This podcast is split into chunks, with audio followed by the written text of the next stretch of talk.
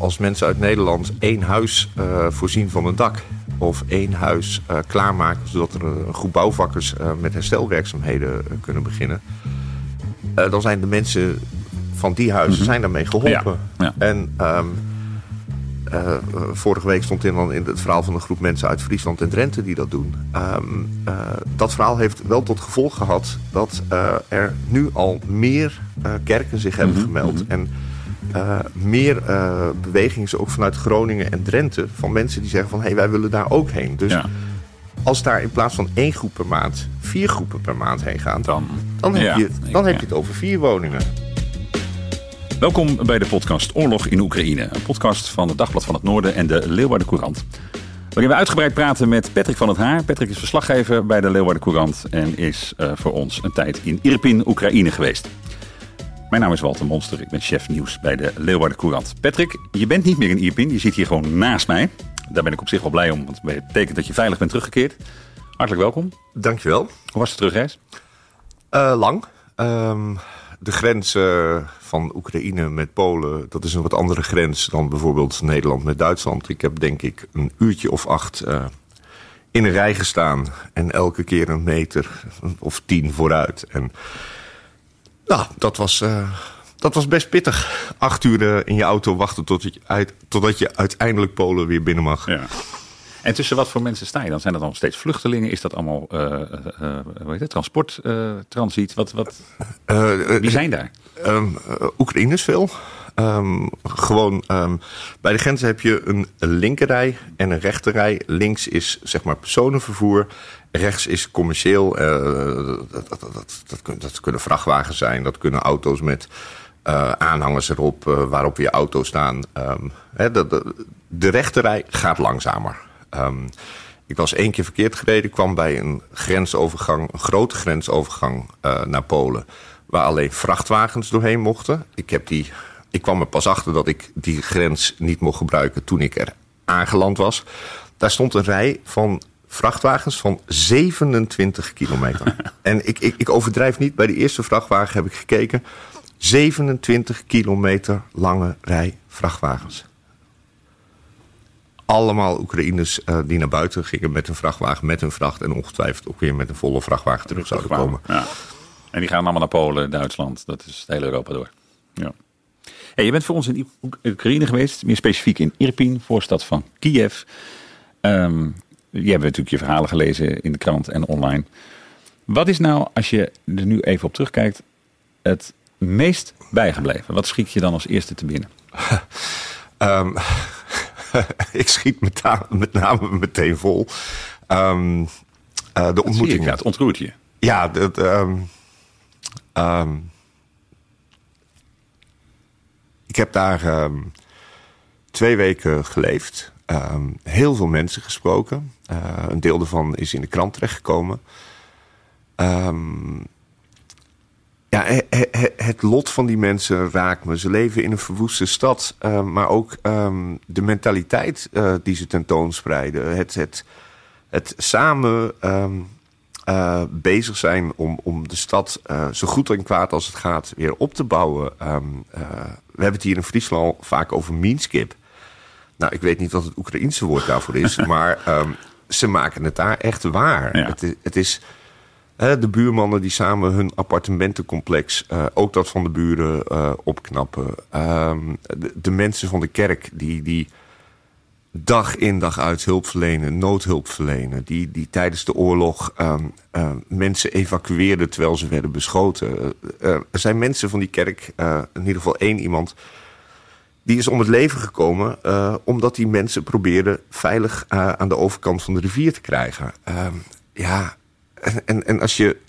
nou, bijna dag en nacht, s s'nachts sliep ik wel alleen, maar als je dag en nacht met uh, die mensen omgaat, uh, de verhalen hoort, de, de kracht ziet, ja, dat. Uh...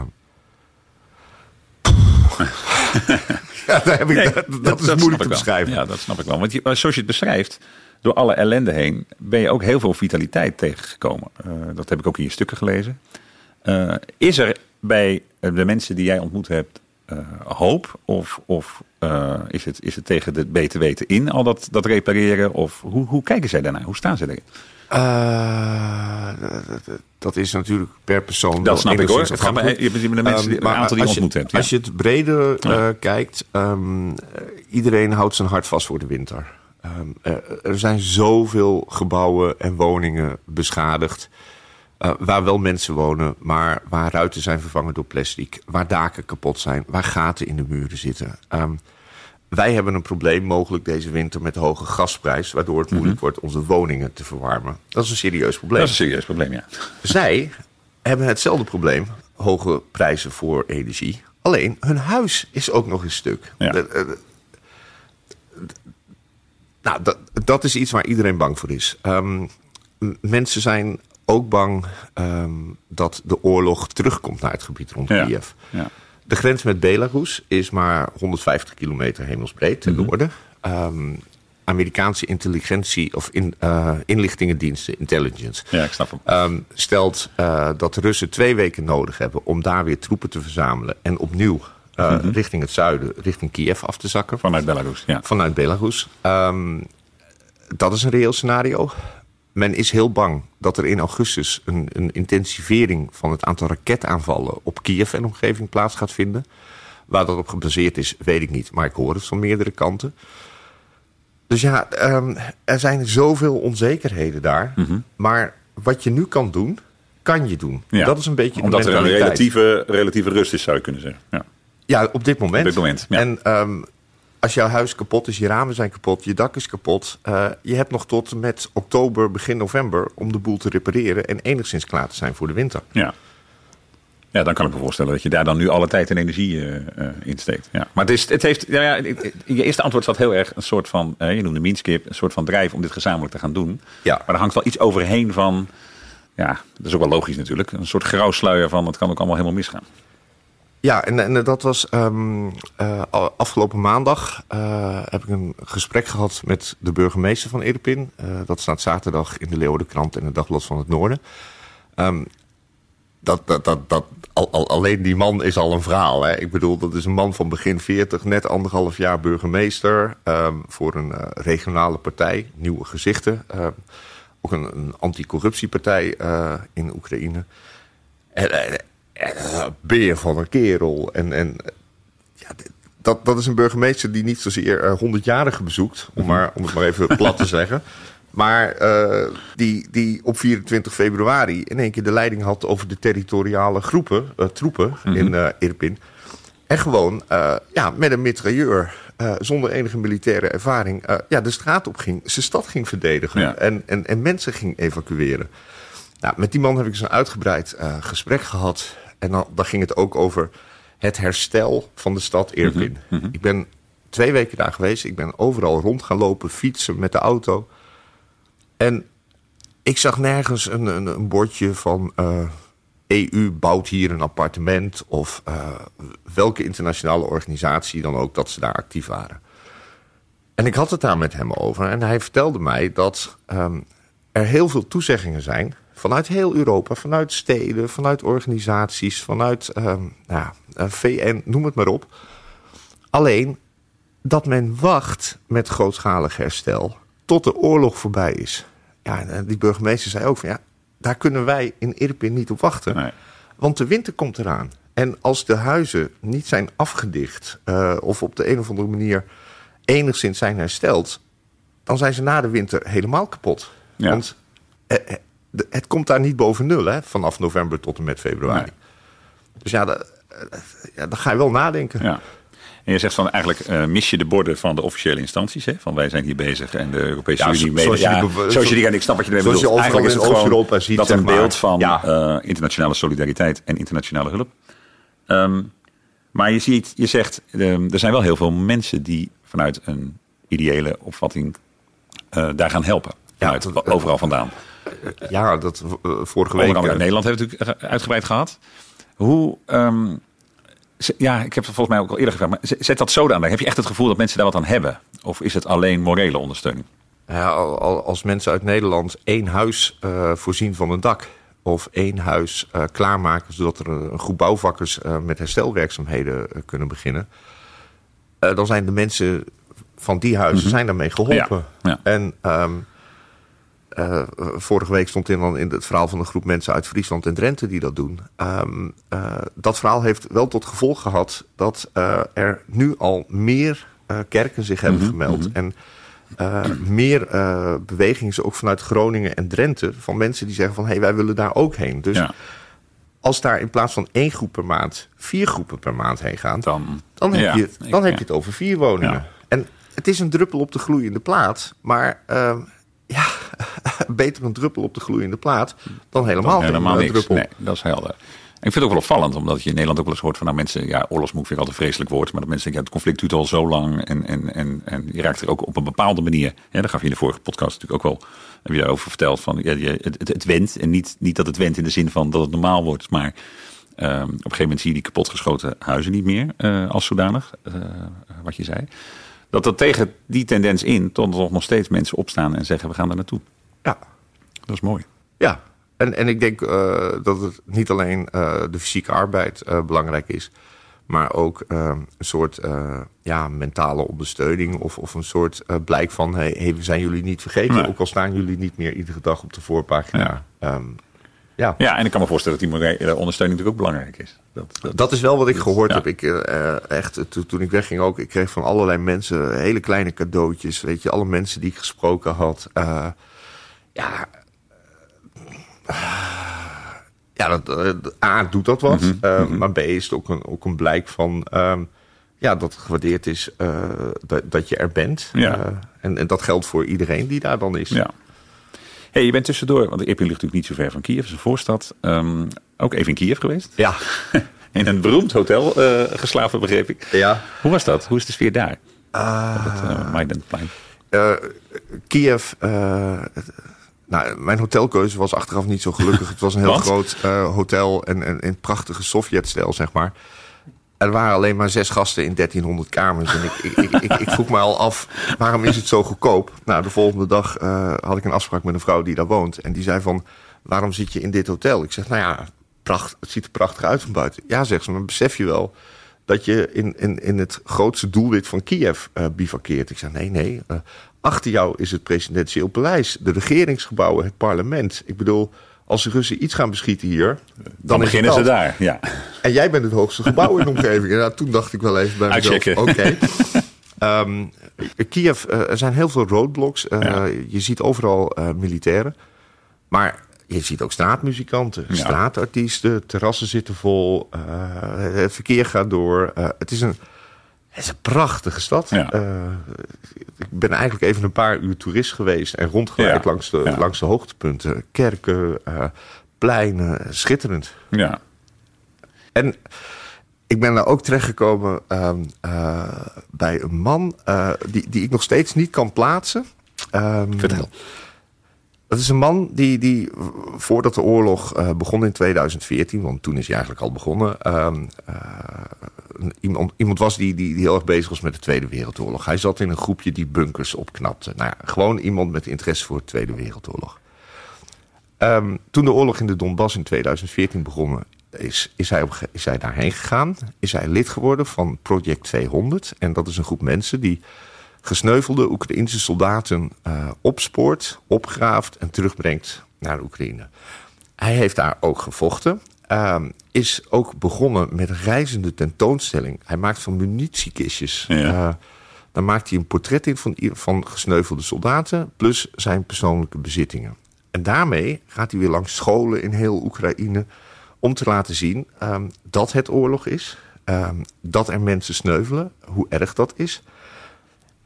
En hij heeft nu zijn, zijn Tweede Wereldoorlog museumpje is in feite een beetje naar de achtergrond. Hij heeft nu een museum over dat conflict. Dus ik kom daar aan op een soort verlaten eh, schoolterrein van een school die gesloten is. En je komt een hek door en ah, een stuk straaljager. Nou, eh, eh, nog een stuk straaljager. En dan liggen daar wat van die, van die eh, tanks, die geschutskoepels. En die liggen daar allemaal. En dan, ja, dan vertelt hij van ja, nou, eh, je ziet dat, eh, dat ik de loper heb afgehaald. Want die kon nog gebruikt worden door het Oekraïnse leger. en, en dit ligt hier nu tentoon. En Bizar. eh, die man die is edelsmid, was edelsmid. eh, had in dat pand waar hij zit, op dat schoolterrein, eh 25 man aan het werk. Dat hele pand is volgestouwd met alles, maar ook echt alles uit, uh, uit de oorlog. Uh, kleding, wapens. Um, ik vroeg ook nog, is het allemaal onklaargemaakt? Hij beweert van wel. Oké, okay, dat neem ik dan maar aan. Ja, dat hoop je dan maar. Het, het, was bizar. Um, maar dat is ook een man. Mm -hmm. die, hij woonde in Hostemel, dat ligt iets boven Irpin. Toen de oorlog begon, heeft hij zijn pick-up truck gepakt is naar een militair depot in Irpin gereden, waar volgens hem op dat moment niemand was. Hij heeft een enorme mitrailleur op zijn auto gemonteerd en is naar een bepaald punt in de stad gegaan en kwam daar ook allemaal andere vrijwilligers tegen. Ja. En hij heeft daar gewoon vijf weken gevochten. Ja. En alles gedocumenteerd met een soort bodycam. En die beelden laat hij ook zien. En de, nou, dan. Pff, uh, pittig. Ja, ik, ik heb twee, tweeënhalf uur heb ik daar doorgewacht. Van de ene verbazing in de ja, ander. En, ja. ja een edelsmid hebben we dan ook. Ja, ja, dan heb je dus over een edelsmid. Maar, een kerel echt... Uh, nou ja, zijn bovenarmen zo breed als, als mijn bovenbenen, zeg maar. Ja, bizar verhaal, maar ja, ook wel weer een heel... Uh, ja, hopelijk gaan we ook over hem nog lezen. Ja, de, uh, ik ben er nog bezig. Ik moet nog wat dingen uitzoeken en nog ja. verder contact met hem zoeken. Maar dat verhaal komt. Mooi. Het past niet in de serie. Nee, maar dat maakt niet uit. Maar niet lekker los. Het is een verhaal Precies. waarvan je denkt, wow. Heel goed. Heel goed. Hey, je bent nu terug. Uh, dat betekent dat op een bepaalde manier uh, het normale leven hier natuurlijk ook weer uh, wordt opgepakt. Je hebt nog vakantie, maar je gaat ongetwijfeld ook weer gewoon schrijven voor de krant op de stadsredactie waar je werkzaam bent. Um, toch even de vraag, hoe nu verder? Want je neemt dit natuurlijk mee uh, in je gedachten. In je, het, is, het is onder je huid gekropen, durf ik wel een beetje zo te zeggen. Gezien ook in reactie op de eerste vraag. Uh, hoe, hoe zie je dat verder? Wat, wat ga je doen? Ja, um, nou, ik wil in september een hele hoop geld bij elkaar zien te krijgen. Ik heb daar allerlei plannen en ideeën voor die ik nu aan het uitwerken ben. Uh, wil daarvoor ook een stichtingje uh, in het leven mm -hmm. roepen... om het allemaal wat een uh, formeel en juridisch kader te geven. Er zijn al mensen die hebben toegezegd... wel in het bestuur daarvan te willen okay. gaan zitten. Um, en ik wil eigenlijk zo snel mogelijk... zoveel mogelijk geld bij elkaar verzamelen in september... Um, voor her provisorisch herstel van woningen. Voor de winter nog. Voor de kerk daar die noodhulp, mm -hmm. die, die, voeden iedere dag 800 mensen. Uh, en ook um, voor sportaccommodaties. Want sport is ook super belangrijk. Juist als uitlaatklep. Uh, vandaag een artikel ja, over in, de LC en Dagblad van het Noorden. En dat is ook allemaal kapot. En um, ik heb nu intussen... ik ken daar mensen. Um, ik ben er ook zeker van dat als ik daar geld heen stuur, dat het ook echt mm. uh, op de goede plek terechtkomt. Mm-hmm. dat, er, dat er niet ergens iets blijft hangen bij een of andere managementlaag. Of, of, ja, wat of corruptie. Ja, dus die, ja, of corruptie ja, of wat dan ook. Um, ik denk dat ik dat uh, wel, wel kan garanderen. Want dat moet je goed borgen inderdaad. Ja, nee, natuurlijk. Je, moet, je moet niet um, mensen beter laten worden van, van de bereidwilligheid van mensen hier om te nee, geven. Dus uh, ik denk dat ik dat heel rechtstreeks kan doen. Ik trek daarin ook samen op met Gerben Huisman uh, van de kerken hier uh -huh. uh, in Leeuwarden, die ook al meerdere keren -huh. daar is geweest. En ja, ik wil, ik wil wel, ik, ik kan niet niets doen nee. nu. Dat, nee. dat, um, daarvoor zit het te diep. En, ja. ik heb ook nog zoveel ideeën voor verhalen. Dus ik nou, denk dat, dat, ik in oktober daar wel weer Nou, ben. ik wou niet vragen, ga je terug? Maar eigenlijk ja. wanneer ga je terug? Ja, oktober. oktober uh, uiterlijk oktober. Uh, dat was nog net voor de winter, dus dan... Dat is voor de winter, nou, dat hoop ik. Ja, uh, um, ja nee, ik, uh, uh, ik wil terug. En, en um, ik ben niet de enige. een van de, of meerdere van de vrijwilligers die uit Friesland, die ik daar ben tegengekomen twee weken geleden. Mm. een van die meisjes, of jonge vrouwen, Nienke de Jong. En die gaat, die, gaat vol, die gaat volgende week vrijdag alweer. alweer ja. Weet je, die, die, ja, heeft ook zoiets van: ik, ik moet daar terug. En ja, dat. Dat begrijp ik wel. Ik denk dat ik dat inmiddels ook wel begrijp. Oké. Okay. Op basis van je verhalen. Dankjewel voor je verhalen. Voor je verhalen in de krant. Patrick van het Haar, verslaggever van de Leeuwarden Courant. Tot zover dit deel van de podcast Oorlog in Oekraïne. Te beluisteren op de website van het Dagblad van het Noorden en de Leeuwarden Courant.